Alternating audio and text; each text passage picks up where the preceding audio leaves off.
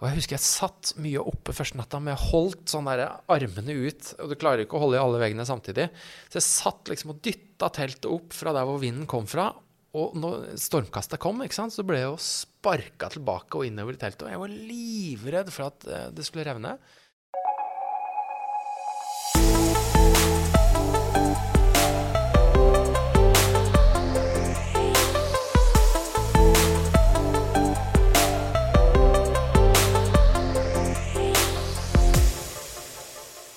Hei og velkommen til Fjellsportpodden. Jeg heter Sindre, og med meg så har jeg en veldig hyggelig kollega. Og hva heter du? Silje heter jeg. Hei, hei. Hallo. Nå er vi endelig i gang med podkast. Vi har hatt lyst til å lage det veldig lenge. Og siden det er de første minuttene av første episode, så er det vel kanskje kjekt å fortelle lytterne litt om hva denne podkasten skal handle om. Ja, det syns jeg vi burde. Tanken bak podkasten er jo at vi har lyst til å bli kjent med folk som er opptatt av tur og friluftsliv. Kanskje kan vi lære litt om utstyr selv, som kan være lurt å ha med seg. Enten man er helt ny, eller om du er en erfaren turentusiast. Jeg gleder meg veldig. Vi har ganske mange kule gjester vi har planlagt å få inn. Så det blir helt topp. Men det er nok ikke mange som kjenner oss, Silje. Så vi må, vi må nok ta en liten sånn introduksjon om hvem vi er. Har du lyst til å starte? Ja, jeg kan godt starte. Jeg er 25 år gammel og kommer fra Sandefjord. Jobber i denne flotte nettbutikken fjellsport.no. Er veldig glad i å trene, løpe ute, samtidig som jeg er instruktør ved siden av det jeg driver med på jobb. Hvordan instruktør da? Body attack heter Oi, det. oi, oi. Jeg skjønner. Jeg skjønner. Hva med deg, Sindre? Ja, jeg heter Sindre. Eh, Jeg er straks 28 år. Jobber også i fjellsport.no på markedsavdelinga. På fritida så driver jeg mye med hundetrening. Jeg prøver å få godkjent både meg selv og hunden min som en sånn redningsekvipasje i norske redningshunder. Men eh, når jeg ikke driver med det, så er jeg veldig glad i å løpe og sykle og gå turer i fjellet med sekk på ryggen og sove i telt og sånn. Ikke akkurat noe polfarer, men eh, veldig glad i å holde på med det. For min del, eh, Sindre, så blir det her ekstra spennende, da jeg eh, eh, ikke er så friluftsperson. Så jeg gleder meg til å bli kjent med mennesker som jeg kan lære mer av. For du har en liten drøm om å krysse Grønland f.eks., eller? Ja, vi får se. Vi får se. Temaet i dagens episode er rett og slett det å komme i gang med friluftsliv. Kanskje man sitter med en eh, drøm om å krysse Grønland, eller kanskje man ønsker å prøve å overnatte ute alene. Oi, unnskyld, det var kaffekoppen min. Det er helt i orden. Uh, ja, vi har jo en gjest i studio i dag. Uh, noen har kanskje skjønt allerede hvem det er, men uh, vi kan hinte om at han er en veldig kjent eventyrer. Han har sykla på tandemsykkel gjennom Sahara. Han har besteget Mount Everest. Og han har gått frem og tilbake til Sydpolen uten etterforsyninger. Og han har sykla Trondheim-Oslo på veltepetter. Og eh, noe av det mest crazy jeg har eh, lest og hørt om, er da han hoppa i fallskjerm fra en kurv løfta opp av heliumballonger. Og i tillegg så har han gjennomført flere julebord med gjengen i fjellsport.no og hatt verdigheten i behold i etterkant. Har jeg det? Ja, jeg syns det, altså. Og jeg har jo jeg har møtt deg en gang før jeg starta i fjellsport.no, og da lurer jeg på om husker du det? Oi. Ja. Nei. Jeg, øh, eh, ja, men jeg klarer ikke å plassere hvor. Det var på et veldig glamorøst sted, rett og slett eh, Statoil på Noresund. Oi. Eh, sta... Har jeg vært der? Der har du vært. jo, men jeg har jo farta mye sånn derre Men jobba du i Statoil? Nei, Nei. jeg var, eh, jeg var på vei til hytta. Oh. Og så skulle vi fylle eller kjøpe noe viner for en tier, og så så jeg at du sto og fylte drivstoff. Og da var jeg rett ut av folkehøyskole, og friluftsliv var eh, det eneste som eh, betydde noe. Så jeg sneik meg bort til deg og greide å stamme fram om jeg kunne få lov å ta et bilde med deg. Oi, men jeg kjøpte, jeg kjøpte ikke viner, gjorde jeg? Ja, du, du hadde ikke noe viner i hånda akkurat da, i hvert fall. Når du blir liksom ferska med sånn fire viner for en tier, Ja, det. så da er du i et svakt øyeblikk. Så det er mulig. Nei, men eh, vet du hva? Det er, eh, det er, det må, det er ganske lenge siden. Ja, det tror jeg var i 2013. Ja. Da, da har det nok eh, Da har det nok forvitret fra korttidshukommelsen min, dessverre.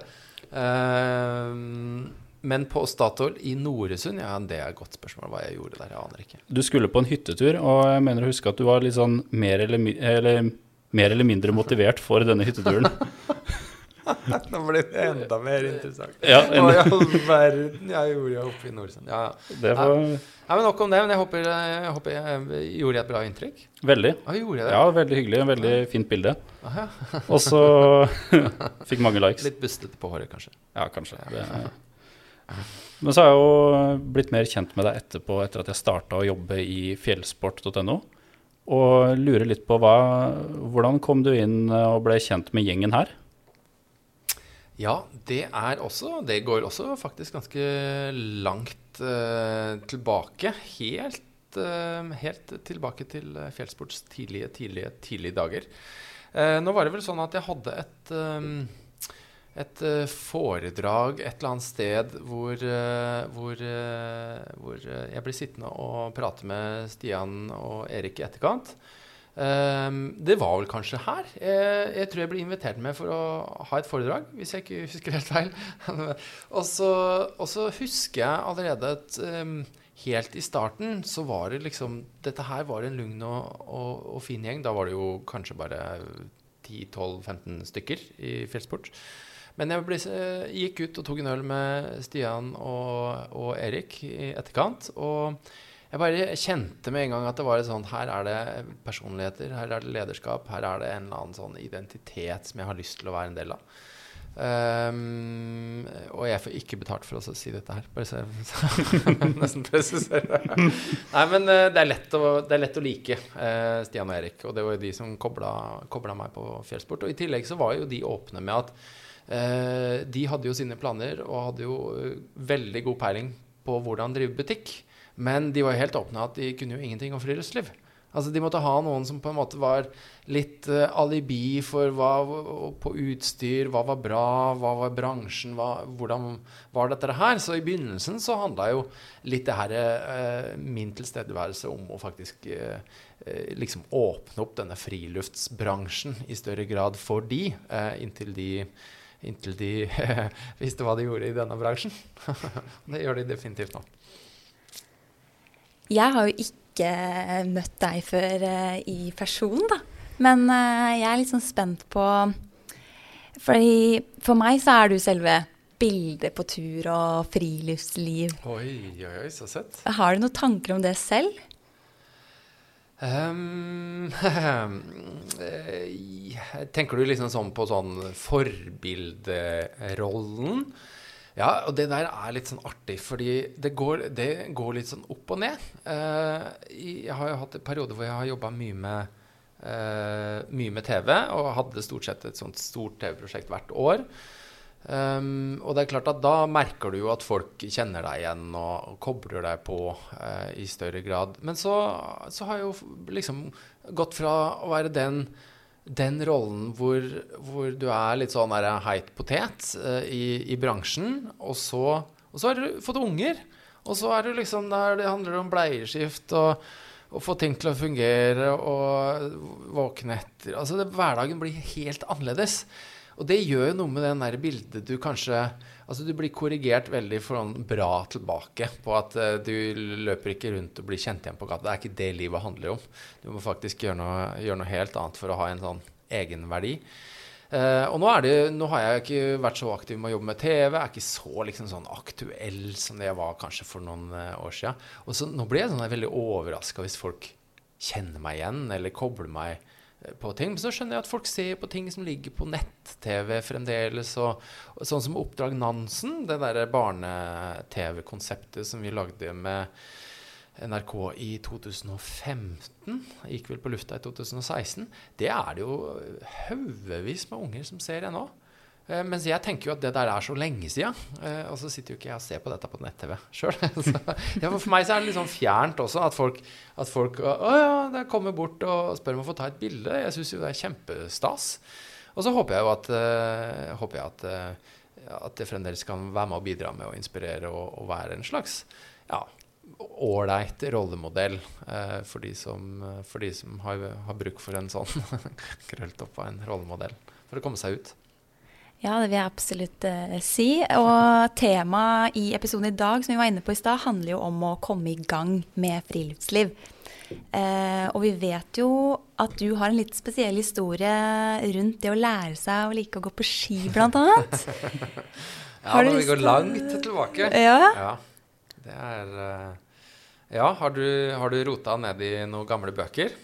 Det har vi, og vi er egentlig litt spente på din første skitur over Finnmarksvidda. Ja.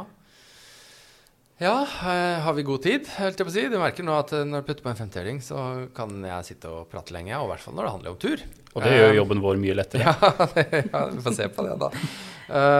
men Nei, jeg syns jo det er Jeg syns det er faktisk litt Det er artig. At det er ikke den turen ofte folk kobler meg til.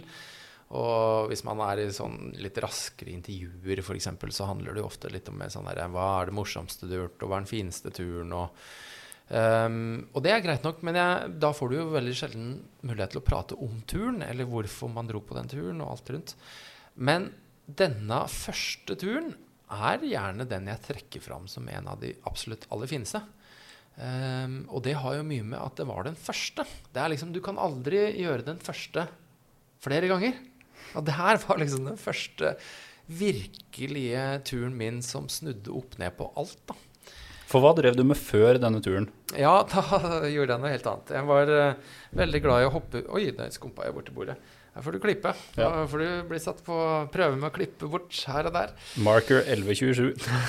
ja, ikke sant. Nei, jeg, før, før, denne turen så var jeg veldig glad i å hoppe ut av eh, fly med fallskjerm på ryggen. Eh, det begynte jeg med når jeg var 16 år. Og, um, og, jeg hadde veldig ambisjoner. Jeg skulle bli verdensmester. Jeg hoppa på sånne rekrutteringslag og på landslag etter hvert. Og bodde mye i USA. Eh, mye i Florida. Solfylte Florida. Var eh, godt og varmt. Og jeg studerte på NTNU, men jeg brukte både studielån og tid. og Altså studie, Studiene mine gikk sakte, men sikkert nedover. Mens studielånet ble brukt opp i USA på, å på fallskjerm. Så det der, Jeg hadde en helt annen hverdag. Og jeg hadde jo vært glad i å dra på tur og være ute når jeg var eh, yngre. Men jeg hadde liksom de siste åra Og da prater vi Nå er jeg jo 3-4-5 25 rundt der. Jeg bare hoppa fallskjerm i lang tid. Og har begynt liksom å forsake hele vinteren med å kjøre på ski og være ute. Og, og tok meg sjøl i at jeg hadde egentlig blitt skikkelig dårlig til å utnytte vinteren for det som var positivt med det. Så, så, derfor satte jeg meg ned da, og tenkte at nå var det på tide å gjøre et lite oppgjør med den der at jeg aldri var på tur eller gjorde, gjorde, gjorde noe i Norge på vinterstid. Annet enn å studere og jobbe for å liksom vente på sommeren. Så da ble det et sånt artig, artig skiprosjekt da, som jeg begynte å planlegge. For uh, innfallsvinkelen der var jo uh, Kan man lære å like noe bare man gjør det nok? Ja, passe idiotisk uh, innfallsvinkel, kanskje. Det, jo, det, henger jo ikke det henger jo kanskje ikke sånn på greip. Hvis du, er, hvis, du er, hvis du, ikke liker å gjøre noe, så er det ikke sånn gitt at du kanskje begynner å like det. Hvis du, hvis du skal gjøre det hele tida. Men tanken var at kan jeg lære å like å gå på ski hvis jeg gjør det lenge og langt nok? Eh, og det handler jo om å på en måte rydde unna alt annet i livet og så gå inn i en boble hvor det her er det eneste du skal holde på med, og er det mulighet da å, å klare å trekke, trekke, det positive ut av ting som du skjønner kommer til å bli slitsomt og vondt og kaldt, og du må gå noen runder med deg sjøl, men, men, er det liksom mulig å, å, lære seg å like det? Det er mange andre som likte det, så jeg skjønte at det var mulig. Men for meg, eh, på det tidspunktet når jeg begynte å planlegge den turen, så virka det veldig fjernt. Eh, men så likte jeg å pakke det inn i en litt sånn ramme, fordi da kunne jeg når folk spurte hvorfor, så kunne jeg liksom svare det som var reelt. At jeg skulle faktisk se om det var mulig å lære å like å gå på ski, bare jeg gikk lenge nok. Så da satte jeg av 50 dager um, før eksamensperioden. Strategisk. ja, det gikk ikke så bra det semesteret der. Uh, men satt av 50 dager og brukte opp noen bonuspoeng som jeg da hadde tjent med å dra til Florida og hoppe fallskjerm. Brukte jeg til å dra opp til Finnmark, og der bodde søstera mi. Så uh, hadde jeg ikke noen sånn klar rute heller. Uh, det var mer tida som var viktig enn at jeg skulle gå langt. Men tanken var at det startet i Kirkenes, og så skulle jeg komme meg vestover og sørover og ende opp et eller annet sted etter 50 dager. Eh, så ruta gikk jo der hvor det var opplevelser å hente. Og det var ikke noe sånn der eh, unsupported eller eh, Det var ikke noe prestisje av noe som helst slag. Jeg skulle bare lære. Og jeg kunne jo ikke Jeg kunne ingenting. Overhodet ikke. Så det var ikke månedslange forberedelser med utprøving av forskjellige typer skismøring og feller og Nei, altså jeg hadde jo ikke noe, ikke noe erfaring. Jeg, når jeg var yngre, så var jeg mye på tur med sånn jeg var med ungdomsheimevernet og hadde jo sovet ute i telt, og, men da var det litt sånn militær-wannabe-utstyr uh, osv. Og, så og så etter disse årene med fallskjerm, så jeg hadde jo ingenting. Så det var litt sånn eh, trygle og be, og, og, og lærte mye om det her med samarbeidspartnere, og hva, hva, hva, er, hva, er, det for noe i en sånn tur for de ulike merkevarene og samarbeidspartnere. Så jeg jobba mye med sånne type ting. å jeg jobba litt som journalist på den tida, så jeg visste jo at jeg kunne skrive litt fra turen. Og, og brukte jo for så vidt de da for å få litt rabatter og noen gode avtaler her. Men jeg hadde ingenting. Jeg hadde én gammel anorakk, og den valgte jeg å la være igjen. Så jeg måtte liksom få, få tak i nytt telt, og jeg fikk lånt en pulk og nye klær og undertøy og sko. Og Nei, jeg, jeg tror jeg fikk liksom akkurat gått en bitte liten tur på jordet med utstyret før jeg dro oppover. Og så kom jeg til Kirkenes. Jeg husker Da bodde jeg de første dagene hos eh, søstera mi, et lite krypinn der. Og da var det liksom sånn, da var realiteten over meg. Da måtte jeg virkelig eh, liksom oh, rive av lappene på utstyret.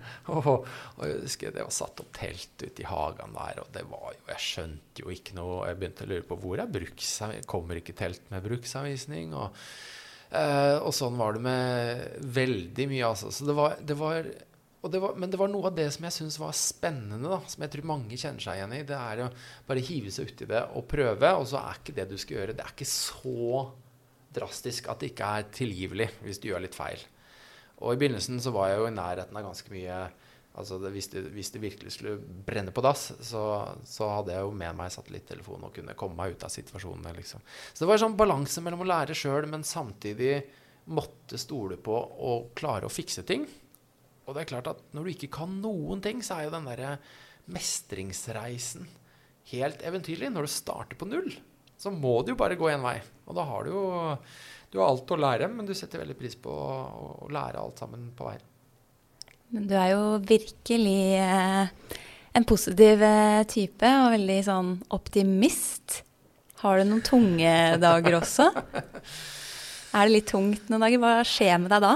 Ja, eh, og her kunne vi filosofere i det lange og brede. Det kan kanskje ta en sånn neste, neste podkast med sånne lange, dype livsfilosofiske uh, utredninger om, om, akkurat det opp og ned i humør. Men jeg tenker jo ofte at sånne turer når du, når du forbereder Og da tenker jeg at det kan være en helgtur, men det kan også være en lang tur. Det, det, er klart at Jeg vil jo gjerne oppfordre folk til å forberede seg så mye som de kan. altså Sørge for at du har med seg det de trenger, og, og, kan dra ut og føle seg ganske trygge. Eh, men når du er på tur, så blir du en sånn boble. Og det liker jeg, og det er en boble på godt og vondt. Men den bobla, den er ofte enklere å håndtere enn alle aspekter med livet selv.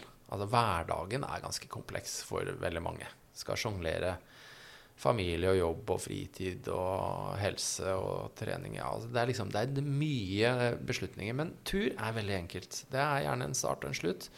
Mye enklere rammer. Og det er klart, innafor de rammene så går det opp og ned. Men du har kanskje enda større oppturer og enda dypere nedturer. Og det liker jeg. Jeg liker de kontrastene.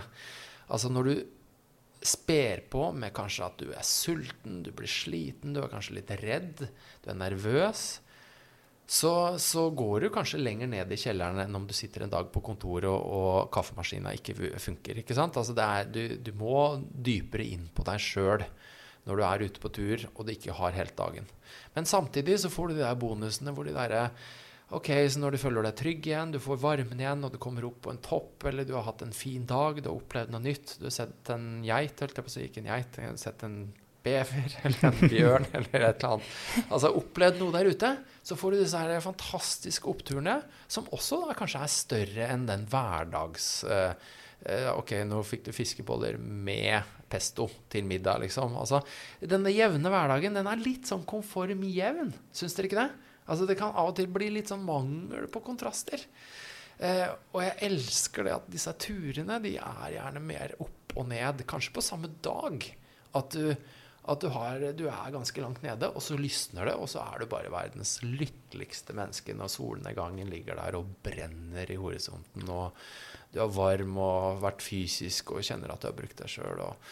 Og, kan eh, slappe av ned i posen med en uh, realturmat. og så legge inn på en snus som jeg har slutta med. Uh, og, så, og, så, og, så, kan du liksom kose deg i veldig enkle forhold. Nei, takke meg til, altså. Det der er uh, fine saker. For jeg mener å huske at du hadde en solid opptur da det var fint vær, og du fikk stått bak kiten. Å ja, på denne turen? Ja. Ja, og den ja, Vet du hva, er, nå er det ganske lenge siden den turen. Eh, men det er jo en del dager og scener som jeg husker veldig, veldig godt. Altså. For, for, å gi liksom lytterne da litt, eh, litt, påfyll her, så starter jeg fra Kirkenes, og det går trått. Det går mot Neiden, og jeg er vel på vei over finskegrensa og, og passerer vel Tana. Følger Tanaelva nedover. Uh, det er mye som ikke går som planlagt eh, i begynnelsen her, og det er dårlig vær. Altså, det å gå og trekke en pulk i sånn standard eh, norsk eh, knauseterreng, ikke sant? så du kommer jo ikke av flekken. Og mye motvind. Altså, så det er alltid sånn Det skal være litt sånn tungt i starten på sånne turer. Og jeg husker ikke, men det er jo, det er jo da fra faktisk mellom Alta og Nei, mellom Karasjok og Alta som er jo blitt den der klassiske krysse Finnmarksvidda-turen, egentlig. Uh, men da hadde med Da hadde søstera og, og, kjæresten hennes på den tida, pluss ei venninne, så de hadde litt følge med da gjennom uh, akkurat de tre-fire dagene over her. Men så har det alltid vært eh, motvind, og så plutselig så, så, så dukker det opp en dag hvor forholdet er helt perfekte. Og da kan du prate om den der optimisten, eller det derre At du får den der fantastiske dagen hvor du plutselig Du har tenkt deg nå kanskje to-tre, nei, tre-fire uker allerede gått og trukket en pulk som er altfor tung. Eh, minimal fremdrift. Og så plutselig kan du dra opp kiten og dra hele dette følget over vidda og ligge og cruise i sånn 15-20 km i timen og se liksom bare at dette her er som å ligge på autobanen i 320. Du får bli nesten fartsblind når du har bevega deg i 1 km i timen stort sett de siste ukene. Så det er klart at sånne dager er helt euforisk, altså. Det var sånn her jeg, jeg, kunne ikke få stappa mer lykke inn i denne skrotten enn, enn på en sånn dag. Og så avsluttes Jeg tror vi kommer fram til eh, Jutkajavre eller et eller annet sånn, en av de der eh, hyttene. Nå, oh, Jotka fjellstue? Ja, ja, en fjellstue. Med veldig god sånn bidos. Ja. Uh, ja. Med noe buljongsupper og noe oh. det her. Og det, altså, og det, er akkurat det du trenger etter en sånn lang dag på vidda hvor du har blitt eh, ganske sliten. Det var en sånn komplett dag som jeg aldri kommer til å glemme i hele mitt liv. Det er men det er klart det er en del dager du glemmer. ja, for det er litt med det gullfiskminnet. Altså, du glemmer jo ofte de, den kjipe perioden når du opplever et sånt lyspunkt som du gjorde med den uh, kiten. da. Eller si du har hatt regn i tre dager, så går det, så går det fort over uh, den morgenen du våkner opp, og det er fint vær, og du får tørka utstyret ditt. Altså, jeg opplever i hvert fall det, at jeg har litt sånn gullfiskminne på tur. Ja, og det er vi nok lagd for å ha. Altså, det er nok en av overlevningsfunksjonene fra vårt evolusjon, evolusjonære menneske langt, langt der bak. Altså, det, dette, dette, er litt sånn artig, for dette prater man jo mye om når man er på tur. Dette er selektive minne. At man husker de bra tinga, men glemmer jo, glemmer jo det dårlige. Eh, og, og, det der tror jeg er en helt forutsetning for at vi skal være liksom optimistisk av natur. At vi, at vi ikke skal gå ned for grunne. Tenk dere bare hvor mye lidenskap og, og, og ting som finnes i verden. Eh, det er klart at da, da, skal man bruke de der positive øyeblikkene for å skape livsgnist og optimisme. Og det tror jeg vi kan takke oss uh, for at uh, uten den, så tror jeg det, Jeg vet ikke om jeg hadde Men jeg tror nok det er uh, litt med deg som person også. Du hører jo det her når du prater om turen nå, man blir jo litt inspirert nesten til hvor positiv du er til de fine dagene, da. Ja, kunne du gjort, kunne du gjort noe sånn, Silje? Vet du hva? jeg har lest boken din, og jeg skal til å spørre deg om noe. Hvor redd blir du noen ganger? Når du sover i telt, og det river i teltduken, og du, det blåser som bare på utsida, og du veit nesten ikke hva som er der. Du kan ikke se framover. Eh, nå følte jeg at du bare kontra med en sånn motspørsmål. Ja, ja men det er fordi jeg kunne ikke gjort det, tror jeg, fordi jeg kanskje er litt for redd. Ja, men hva har du tenkt å gjøre med det, da? Kanskje man må prøve det? ut? Og det er jo sånn jeg prøver også kanskje lokke folk eh, fordi du, du, er ikke aleine om å sitte med de følelsene der. Og man, eh, man, før vi skal inn i ukjente situasjoner, så er vi også lagd for at vi skal svartmale litt. Vi skal eh, krisemaksimere litt. Fordi det er sånn også vi har overlevd som menneske, at man skal være redd. Redd er et godt verktøy til å overleve. Og vi skal ha den.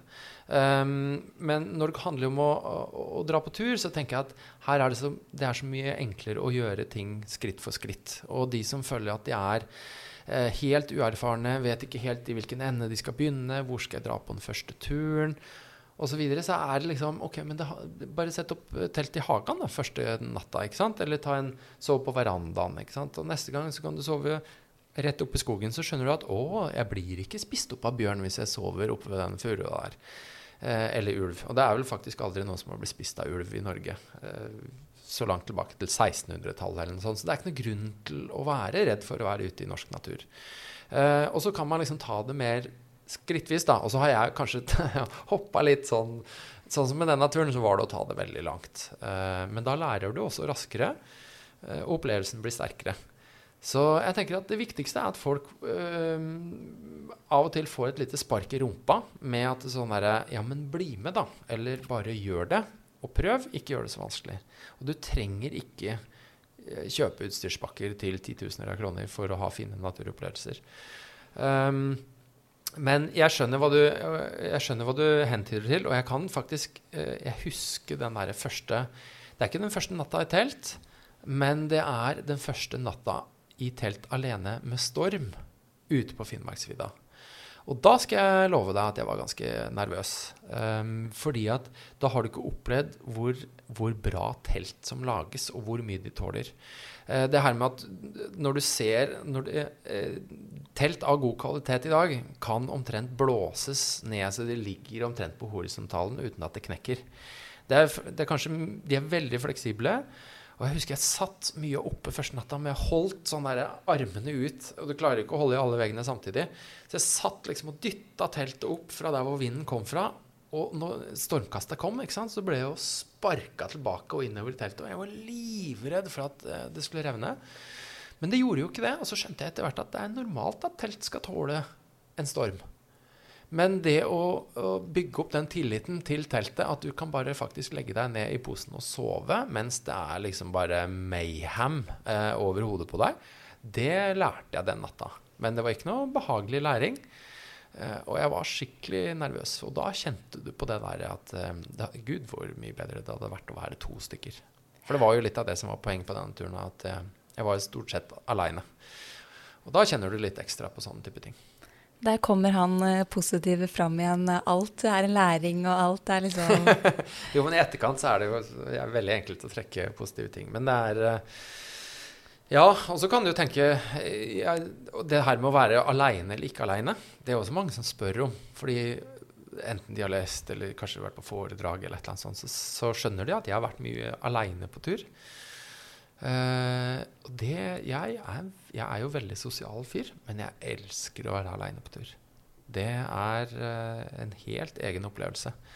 Så det er på en måte en veldig sånn enkel måte å gjøre det litt, uh, litt mer komplisert og litt mer sånn opplevelsesrikt når du er på en tur. La oss si du er på en første overnattingstur, så har du med deg et par-tre stykker. så kan du egentlig gjøre akkurat den turen en gang til, men gjøre den aleine, og da er det en helt annen tur. Helt annen opplevelse, helt annet sånn følelsesmessig. Da begynner du å kjenne på mørke, mørke og frykt og begynne å angre og sånn. Men det, en, det, blir lik tur, men helt annen opplevelse. Vi toucha litt innom det her med utstyr. Tror du utstyrs øh, øh, Eller tror du utstyr er et stort hinder for folk for å komme i gang? Tror du folk kvier seg for å spørre om å låne ting, f.eks.? Ja, jeg tror nok eh, det. Og nordmenn er veldig glad i å bare fylle opp garasjen med alt de kanskje måtte trenge en eller annen gang i livet. Altså hvis de tenker at de skal på eh, en tur, så vil de gjerne kjøpe alt. Og så er det ikke sikkert de kommer seg ut på turen. Altså Sånn ser, sånn ser jeg liksom inn i nordmenns garasjer eller boder. Nordmenn er veldig glad i å ha sitt eget og ikke låne så mye. Men så er det, det har skjedd mye med, med det òg de siste åra. Jeg tror at det her med liksom å, å, låne det blir mer bærekraftig og, og, mer naturlig for de fleste. Håper jeg. Og til og med leieutstyr er det flere som etter hvert begynner med. Men, eh, men eh, ja, jeg tror det. Eh, jeg er usikker på om folk tenker at det er en reell barriere, men jeg tenker at det er liksom Det er der Jo, jeg har jo ikke det som trengs. Men jeg, jeg, tror nok at uh, kanskje den der sviktende motivasjonen sitter dypere inne. Mm. At det handler kanskje en litt sånn utrygghet på seg sjøl. Um, ehm, utrygghet på hva man skal gjøre, hvor, hvor, man skal. Og hvis du tenker sånn Tenk deg den der klassiske pappaen i familiesettingen. Altså, han vil jo ikke dra på en tur med kanskje to-tre unger, og så har du glemt fyrstikker, eller du får ikke fyrt opp bål, eller du får ikke satt opp telt. Altså, det her er jo å gå inn i mannens domene av Nei, da er det bedre å la være, ikke sant? Uh, jeg vet ikke, sånn, det, var kanskje litt sånn feil å trykke mannen ned, men jeg har inntrykk av at det kan være litt sånn at det er forventa at mannen skal fikse sånne type ting. Og så kan kanskje mor smøre matpakke. men, eh, men, eh, jeg tror ikke mor er så redd for uh, flere sånne type ting. Men, men uh, jeg tror at er man litt usikker på seg sjøl og hva man kan, så er det der den største barrieren ligger. Og det er der jeg tenker at legg garden ned, kom ut, bare gjør noe. Trenger ikke å sove ute, trenger ikke å dra på blåbærtur, dra på sopptur. Ja, ikke spise alt det du finner av sopp. Eh, men, men liksom komme i gang på den enkle måten å bygge opp, uh, bygge opp um, selvtilliten din på hva du kan gjøre, kanskje før du tar med deg unger eller, eller drar på de lengre turene. Hva var spørsmålet igjen? det handla om uh, utstyrspress. Ja, det var det. Ja. Utstyrspress, ja. Ja, altså, jeg tenker at det er sånn vanskelig å mene for mye, for jeg er, ikke, jeg er ikke så representativ for de følelsene. Og der går jeg meg litt i en sånn egen blindgate med å kanskje tenke noe som ikke er reelt. Men jeg spør jo mange og, mange, og får masse spørsmål om sånne type ting. Og jeg får jo enormt mye sånn utstyrsspørsmål, eh, som jeg prøver da å svare på etter beste evne. Eh, men jeg tenker at eh, ikke la utstyret begrense. Det er ikke utstyret det kommer an på. Eh, det er, det, er, det som er mellom øra. Eh, det er der det stopper. Så, så, jeg liker å tenke på at det er ikke, det er ikke utstyret som, som, som, eh, ja, som, setter en stopper for nesten uansett hva slags tur du skal ut på. Så, så kan du ta til takke med, med, enklere ting, rimeligere ting, fikse ting, brukte ting, eh, det du har, osv. Eh, klarer du, på en måte, du som er så fokusert på det turlivet, å være til stede i det daglige livet òg? Jeg tenker egentlig litt hvem, hvem er Alex ja. når du ikke går på tur, eller når du tar med deg barna på tur? Dette er eh, det, Ja, nei, men det er et godt spørsmål. Um, jeg, eh, jeg, er ikke alltid sånn så mye til stede som det jeg skulle ønske. Og det merker du jo, for eh, jeg har jo jeg, har typisk sånn sausa jobb og fritid veldig mye sammen. Så av og til så føler du at du kanskje skal gjøre noe eh, når du er på tur, eller du er, jobber med noe helt annet, og så skulle du kanskje helst ha vært på tur. Um, og så føler jeg jo jeg føler jo ofte at uh, jeg ikke får vært så mye på tur aleine uh, pga. at du har disse småtissene. Eh, og at jeg gjerne også skulle vært mer på tur med de små. altså, Ja. så, så da har du egentlig sånn Du vil jo gjerne, gjerne egentlig mer av, mer av, eh, mer av det meste. Eh, og når det kommer til det med ungene, det, det, det har jeg lært, og det er egentlig litt sånn som forventa. Det er at jeg syns det er ålreit å bytte bort en del av min turtid med å være med ungene på tur og legge lista deretter. For jeg lærer, jeg lærer mye av det. Eh, ikke så mye om å være på tur, eh, for det er ikke så mye sånne type utfordringer på det. Men jeg lærer mer om ungene og deres behov og deres eh, muligheter for hva de lærer, og hva de kan gjøre ute, og når de fryser, og hva de trenger å ha på seg, osv. osv. Og det igjen er jo Jeg ser jo det at å ta med unger på tur, det er Det blir mer komplisert. De enkle turene blir mer styr. Og du bryr deg og, og er redd for å gjøre noe feil i forhold til at det kommer til, å, til å gå utover ungene. Det er ikke bare deg sjøl lenger. Uh, og det er jo et godt poeng, og det tenker jeg det skal man tenke gjennom før man liksom drar av gårde og gjør, gjør ting med ungene som ser fristende ut. Om man tar med ungen i bæremeis og går Besseggen f.eks. Altså det, det høres Og jeg kjenner meg litt igjen. Jeg har litt sånn drive etter å ta med ungene ut og, og, og, og kjenne litt på min, min utfordring eh, med kan Hvor går grensene for hva jeg kan ta med ungene på? Der har jeg nok moderert meg mer, eh, og prøver å bli da mer sånn at vi gjør det som ungene syns er kult. Men, men jeg syns det er artig også å, å Ja, det, og det går jo veldig fort. Eh, fra ungene ikke er, fra de er bleier og ikke kan noen ting, til at de faktisk kan være med å mestre. Eh, og det, gå sjøl, bære sjøl, finne fram sjøl, eh, smøre mat sjøl, lage mat sjøl. Det, det er et sånt veldig artig eh, univers, eh, det her med å være på tur med egne unger. Eh, og da er det egne unger. Altså Det er ikke så moro å være på tur med andres unger. Så, så, det kan være moro, det òg, men det, det blir liksom ikke Det er ikke det samme. Nei. Det er nok mange som har kjent eh, på de grensene med å ha med barn på tur nå siden Norge stengte ned 12. mars. Jeg, eh, jeg har i hvert fall hund og går mye i skogen til vanlig, og syns jo det var ekstremt overbefolka eh, de ukene hvor Norge var, var stengt ned. Ja, hva så du da? Hva, hva gjorde folket, liksom?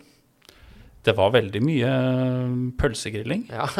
ja. Det var små kohorter overalt som eh, eh, tente bål og grilla pølser og kosa seg. Og eh, vi så jo også det her i butikken, at eh, det blei en, en veldig stor etterspørsel, særlig etter utstyr, i, i disse ukene. ja. Eh, veldig basisutstyr. eh, Primuser, eh, liggeunderlag, eh, sånne ting.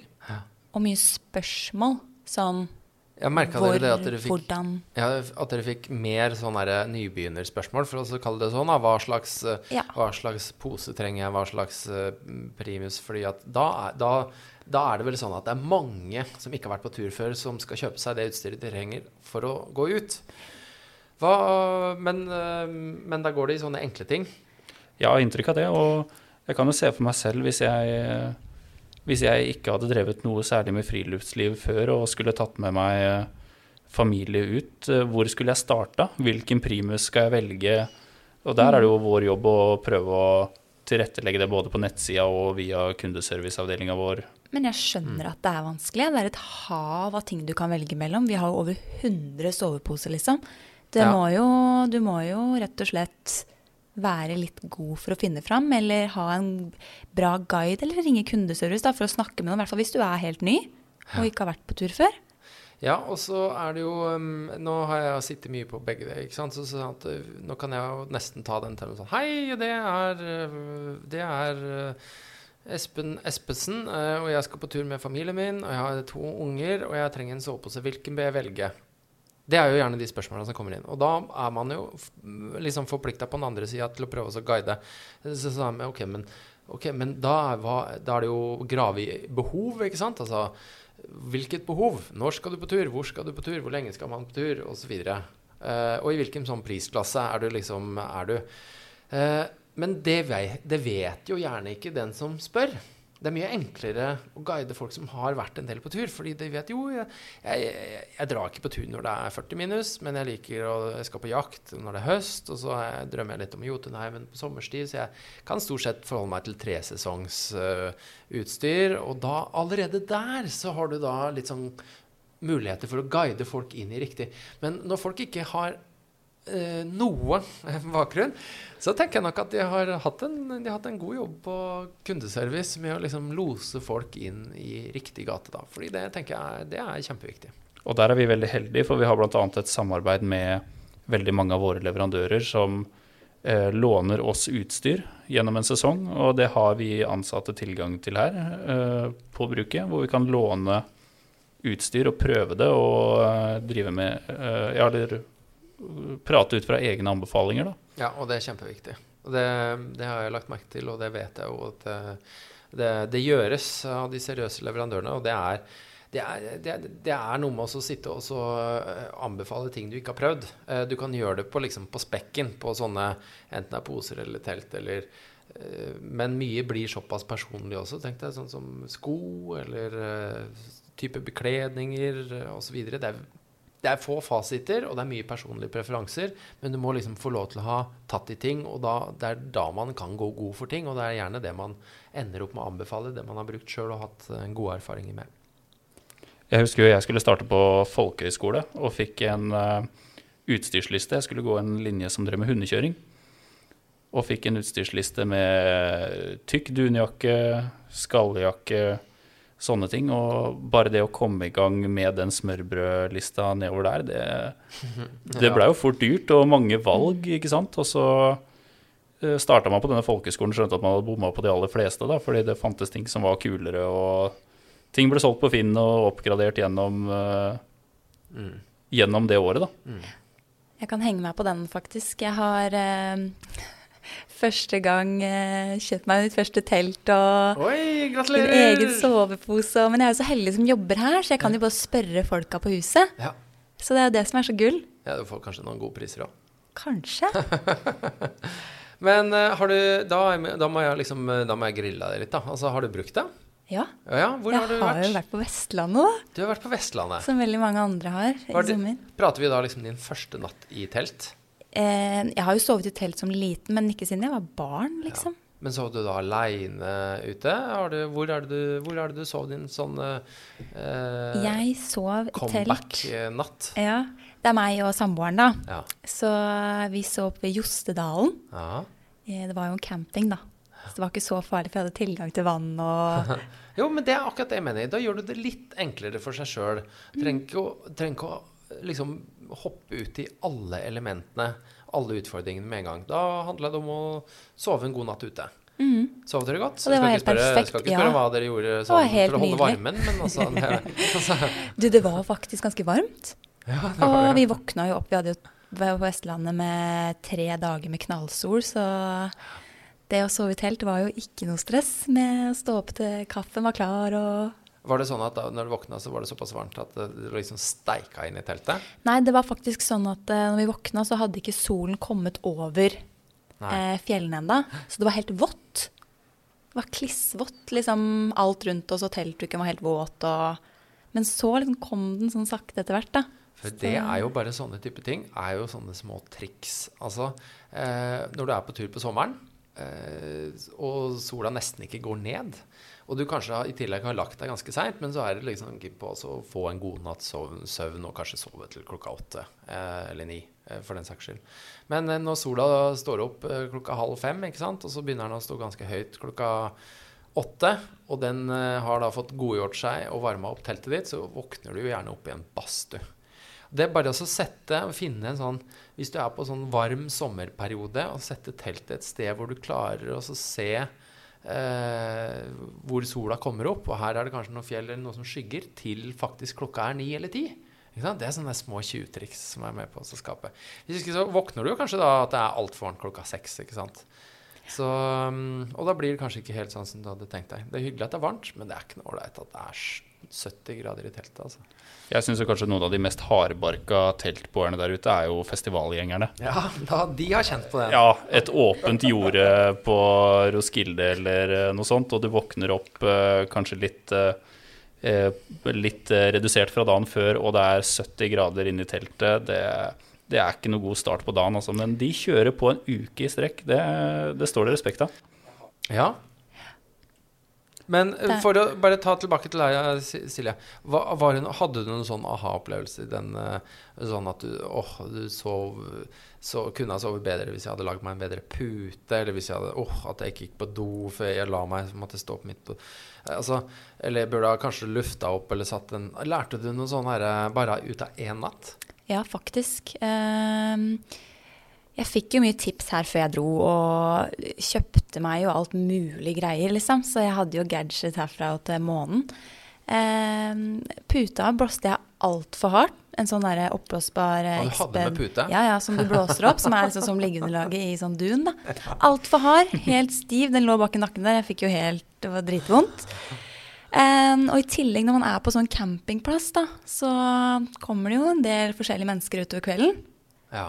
Og det syns ikke jeg var så ålreit i Addis-Stande. Snubler i telt Det er ikke bare familier, liksom. De legger seg veldig sånn inntil deg. Og det er jo, var jo folk fra, faktisk fra Europa som var der, altså Tyskland. Mye tyske turister, da. Mm. Og det var en del eh, litt sånn dulting i teltduken og mye sånn. Ja.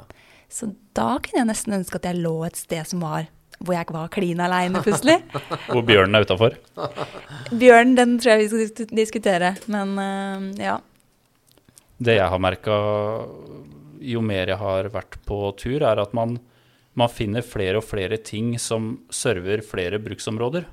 ja. Sånn som uh, du nevner det med pute. Det er noe jeg har lært meg etter hvert, at da bruker jeg en sånn, da bruker jeg den pumpeposen til Exped-liggeunderlaget. Og så stapper jeg overskuddsklærne jeg har inni der, og så, og så bruker jeg det som pute. Men det er, ing, det er ikke noe du eh, kommer på før du ikke har med deg pute og tenker hm, hva kan jeg bruke for å ha det mykt og godt i bakhuet i natt? Men uh, avslutningsvis da, Sindre, så Ja, har jo Er vi vi ferdige allerede?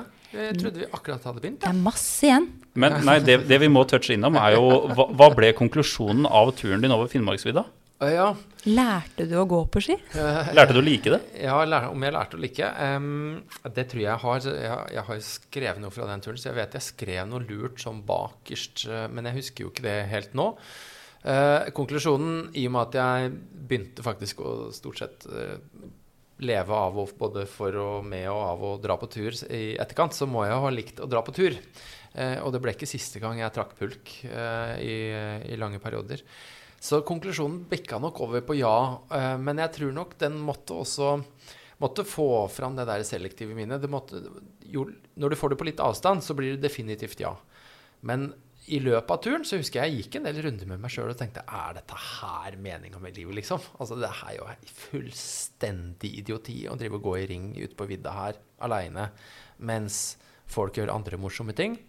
Um, men, eh, men for min del så var det nok en kombinasjon av at jeg brøt med noe og gjorde noe helt nytt. Det, er, det har jeg veldig sans for. Jeg var aleine, og så i, i tillegg så fant jeg en bra sånn eh, balanse da mellom det utfordring og mestring. Altså jeg lærte ufattelig mye på den turen. Eh, noe som gir en veldig god opplevelse og gir en stadig mer trygghet. Og så gikk jeg jo mot lysere tider og mot vår når jeg kom nedover i Troms. Eh, og jeg hadde med meg påskefestivalen i Kautokeino. Jeg gjorde jo masse artig og traff jo masse raringer. Så det var jo et eventyr, altså et skikkelig eventyr. Altså, som jeg ofte trekker fram som et av mine aller, aller beste, og som har satt, satt aller størst preg på meg. Ble ikke du norgesmester eller verdensmester på denne turen nå? ja, det Vet du hva?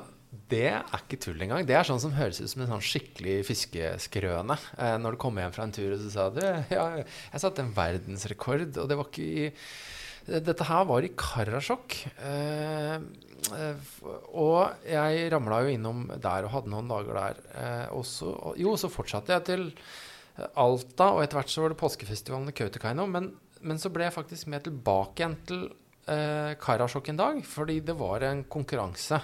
Og dette her er jo et sånn samisk mesterskap, nesten sånn femkamp, altså i friidrett. De har sånn sine tradisjonelle konkurranser med det ene og det andre. Og en av de, eh, en av de greiene er jo skallekasting.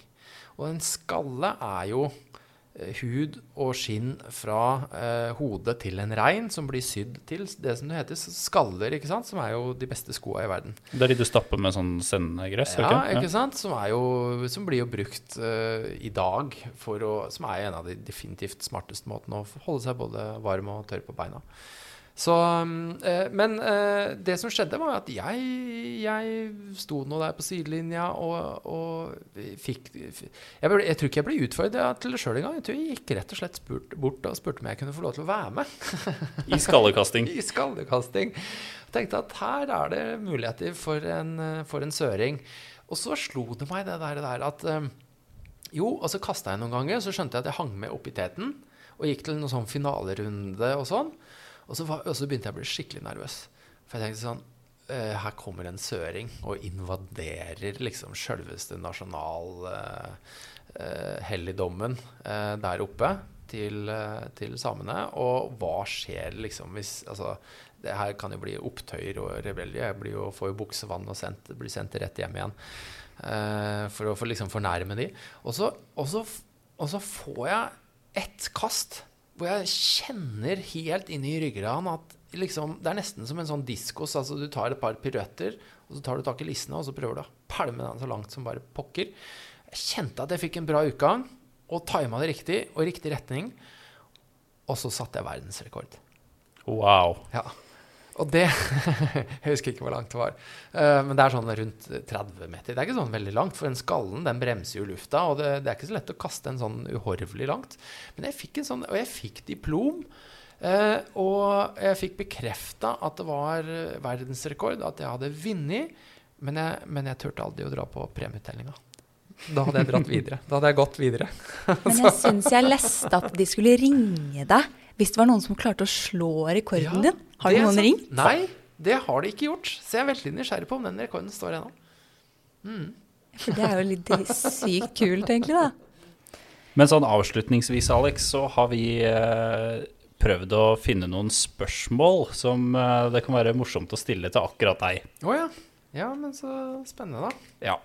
Og det første er at hvis jeg hadde vært et uh, usynlig spøkelse eller en litt værhard flue inne på teltveggen uh, når du er på tur, hva er det rareste du hadde dratt opp fra sekken din da? Um,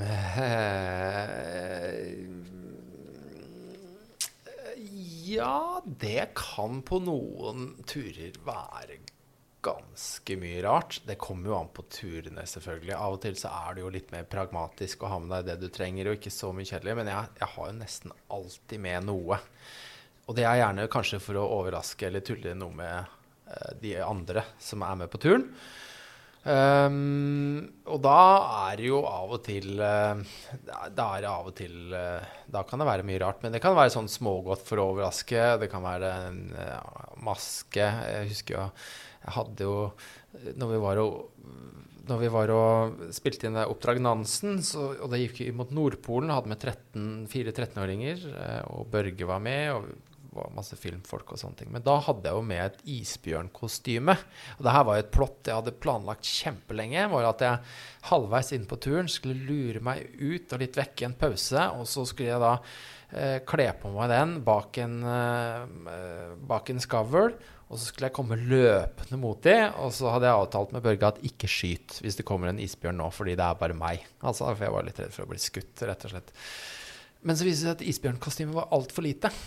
Eh, så jeg fikk det bare sånn akkurat over, så jeg klarte ikke å løpe. Så jeg snubla og rulla rundt halvveis. Og de 13-åringene så bare bort på meg. Så, Alex, herregud, hvor dølt, liksom. Åh, kjedelig. Jeg syns det var rasende fest. Men uh, nå var det ikke det jeg tok ut av sekken, men det var den historien jeg kom på. Så det går jo fort i en del, um, en del something. Hvis ikke så har jeg jo hatt sånne griseører og masse sånne artige sånne småpek ofte når du skal bare lage litt god stemning, og det er ofte Vi tenker ofte så veldig seriøst når vi pakker til tur, så da tenker man ut fra sånne pakkelister hva må jeg ha med? Eh, men, og spesielt da når du har med unger, eh, så er det jo fantastisk å ha med litt mer, så det blir litt mer overraskelser og motivasjon underveis. Jeg husker læreren min på folkeskole. Han eh, presterte en gang å ta med en hel fullsize marsipankake på toppen av eh, hundesleden. Ah. Ja, Og det var helt eh, nydelig. Men han hadde dekket den til. Altså, vi eh, fikk den ikke dag én eller dag to. Men det var ganske rart midt ute i Jeg tror det var i forgården til Jotunheimen at han på dag tre napper fram en fullsize marsipankake da, og serverer til meg og de i klassen. Veldig Men fine det er det, er, det er det som er så fantastisk, for det er en grunn til at du forteller det nå. Altså, Du husker den dagen og det øyeblikket så mye bedre enn andre ting på turen. Og det er det jeg syns er så fantastisk, at det er ofte når du har, finner en liten tvist på ting, gjør noe sånn uventa, eller bruker disse kontrastbildene så mye, så, så skaper du opplevelser som blir genuine, og du husker så lenge du lever. Og det, akkurat det der er et kjempegodt eksempel på det. Mens vi er inne på det, da, så har du jo blitt bedt om å ta med deg en liten ting i dag som beskriver deg som person. Ja, jeg har i hvert fall med meg en ting. Ja, Ja, det har jeg ja, så Lurer du på hva det er nå? vi Liksom? er jo litt spente, da. Ja. Eh, nei, men da må jeg grave litt ned her, da. Vet du. Ja, gjør det. Se her.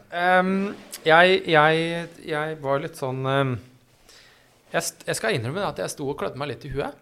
Hva er det jeg skal ta med, liksom? Men det jeg endte opp med å ta med, det var denne her. Og det er en tøysjiraff. Veldig søt. Og som du kanskje altså Nå kan jeg for lytterne, da, så, så, så vil du altså den, det er litt sånn, den er ikke så spretten. Den er litt uh, Den burde ha vært støffa på, uh, på nytt, egentlig. Og denne her, den ser egentlig uforskamma ålreit ut. Men lurer du på hvorfor jeg har med den? Ja. Hva er historien bak den? Du, denne her har jeg hatt med på faktisk eh, veldig mye turer. Og det starta med egentlig en, eh, bare en sånn derre eh, Jeg tror jeg fikk den fra en kjæreste jeg hadde en eller annen gang for lenge sida.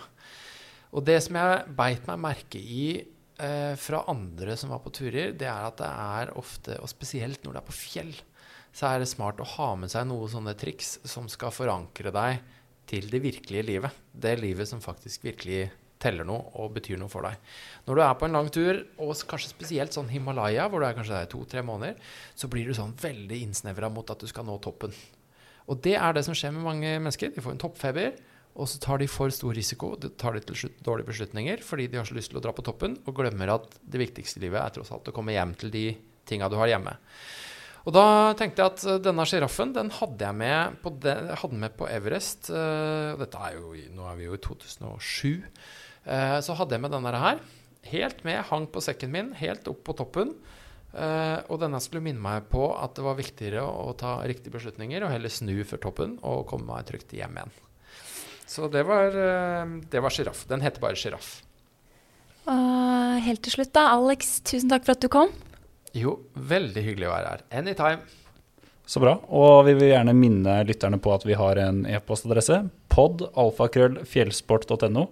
Her vil vi gjerne ha ros og ris og tilbakemeldinger og tips om hva vi kan snakke om i framtidige episoder. Så er det vel bare å ønske god tur. God tur. God tur!